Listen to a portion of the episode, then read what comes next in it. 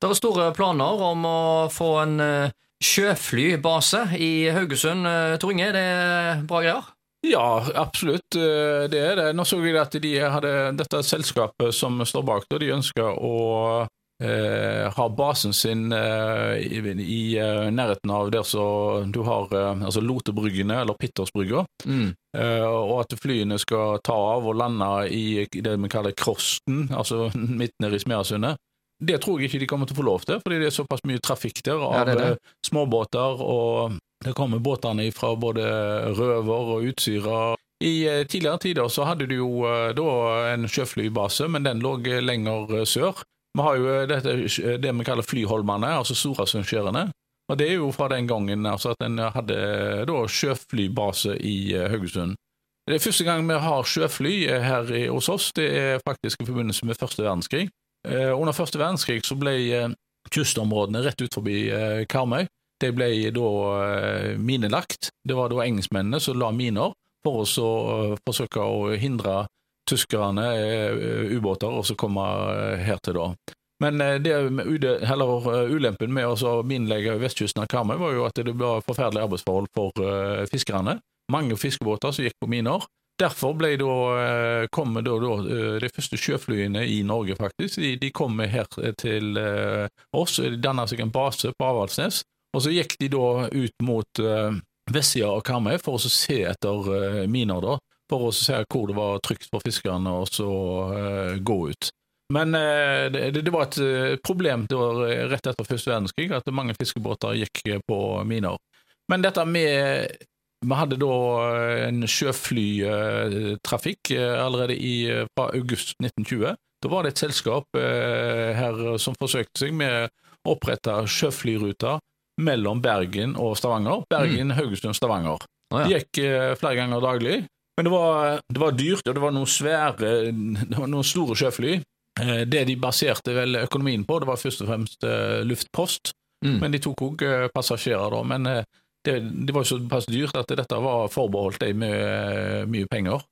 Eh, og da landa tok de av eh, da, der ved eh, Flyholmen, eh, som vi kaller altså, Storasundskjærene. Storasundskjærene. Mm. Og jeg vil jo tro det at hvis dette selskapet her nå skal få konsesjon til å drive med flå, små sjøflytrafikk her lokalt, så må de litt lenger sør i eh, sundet. Men det bør være en grei plass, det. Det bør være en grei plass. eh, Da, nå, du, nå planlegges det jo at det skal komme eventuelt en ny bro over der, da, men det, den ligger såpass langt fram at eh, vi får jo håpe at sjøflyene kommer Men opp. det må eh, være plass til sjøflyene for det, liksom? Ja, det er absolutt. De bør, Lage til, en lage til en kai der? absolutt, de bør kunne klare det. Du gjør det bare tilkomsten enda enklere. Ja, ja det, er- det er mulig det. De uh, vil gjøre det enklere. Faktisk, for uh, de, de hadde ikke holdt på mer enn et par uker, dette øh, selskapet som startet opp i august 1920. Så skjedde det en alvorlig ulykke her i Haugesund, hvor vi hadde en flystyrt. Hvor sjøfly styrta med passasjerer i.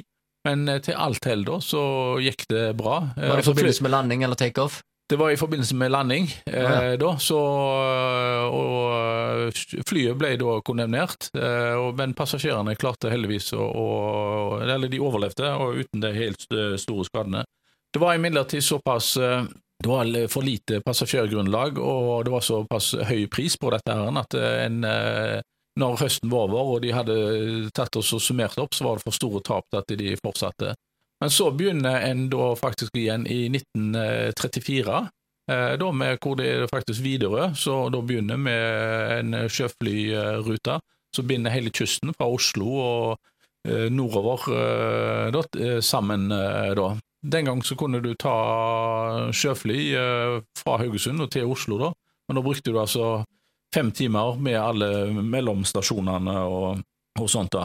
Eh, For del, for mange år siden så var det jo der så at sjøfly det var jo det en så for seg ville være den, sjøfly, den trafikken som eh, skulle ta over når det gjelder flytrafikk. da.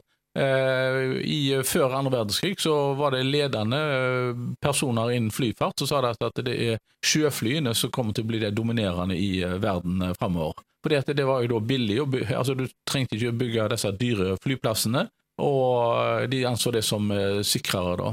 Det ble jo forsøk, altså nå Her i Haugesund da, så ble det jo uh, små sjøfly da, men en forsøkte seg jo med å bygge svære sjøfly. da i USA, selvsagt. Det er jo der sånne store ting skjer.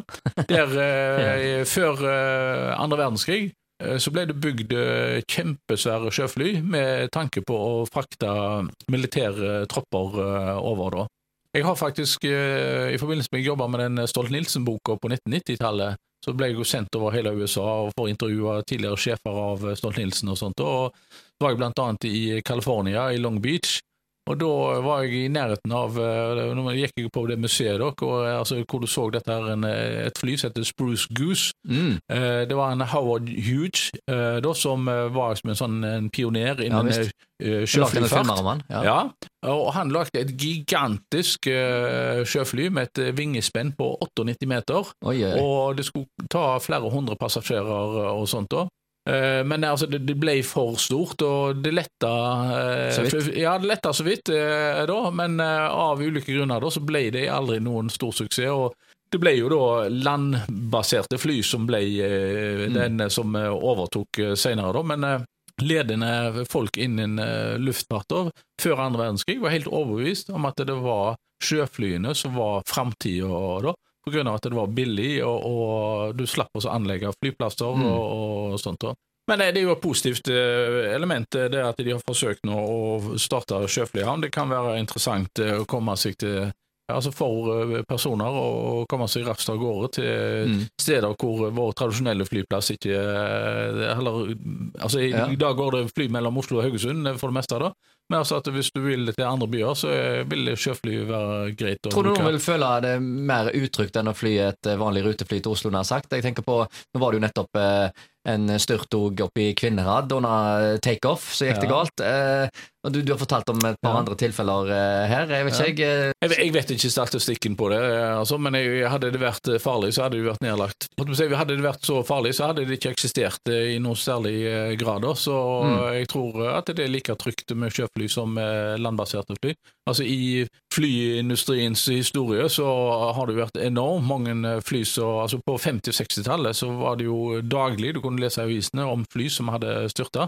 Så, eh, så, jeg tror at statistikken vil vise at det er flere som har styrta med eh, landbaserte fly enn en eh, sjøfly. da. Det som var mye Etter krigen så ble det brukt mye sjøfly her lokalt til å, å hente mannskaper som skulle da til sjøs. Rederiene brukte sjøflyene til å fly de til la oss si eksempel ned til Hamburg eller til til steder eh, her, da, så henta de mannskapene her i Haugesund, og så fløy de direkte da, istedenfor lange reiser. Eh, det, da. Så det var Sjøfly har blitt brukt her i Haugesund da. Så får vi håpe da at de som nå har planer om dette, her, får suksess og får sjøflyene opp i lufta.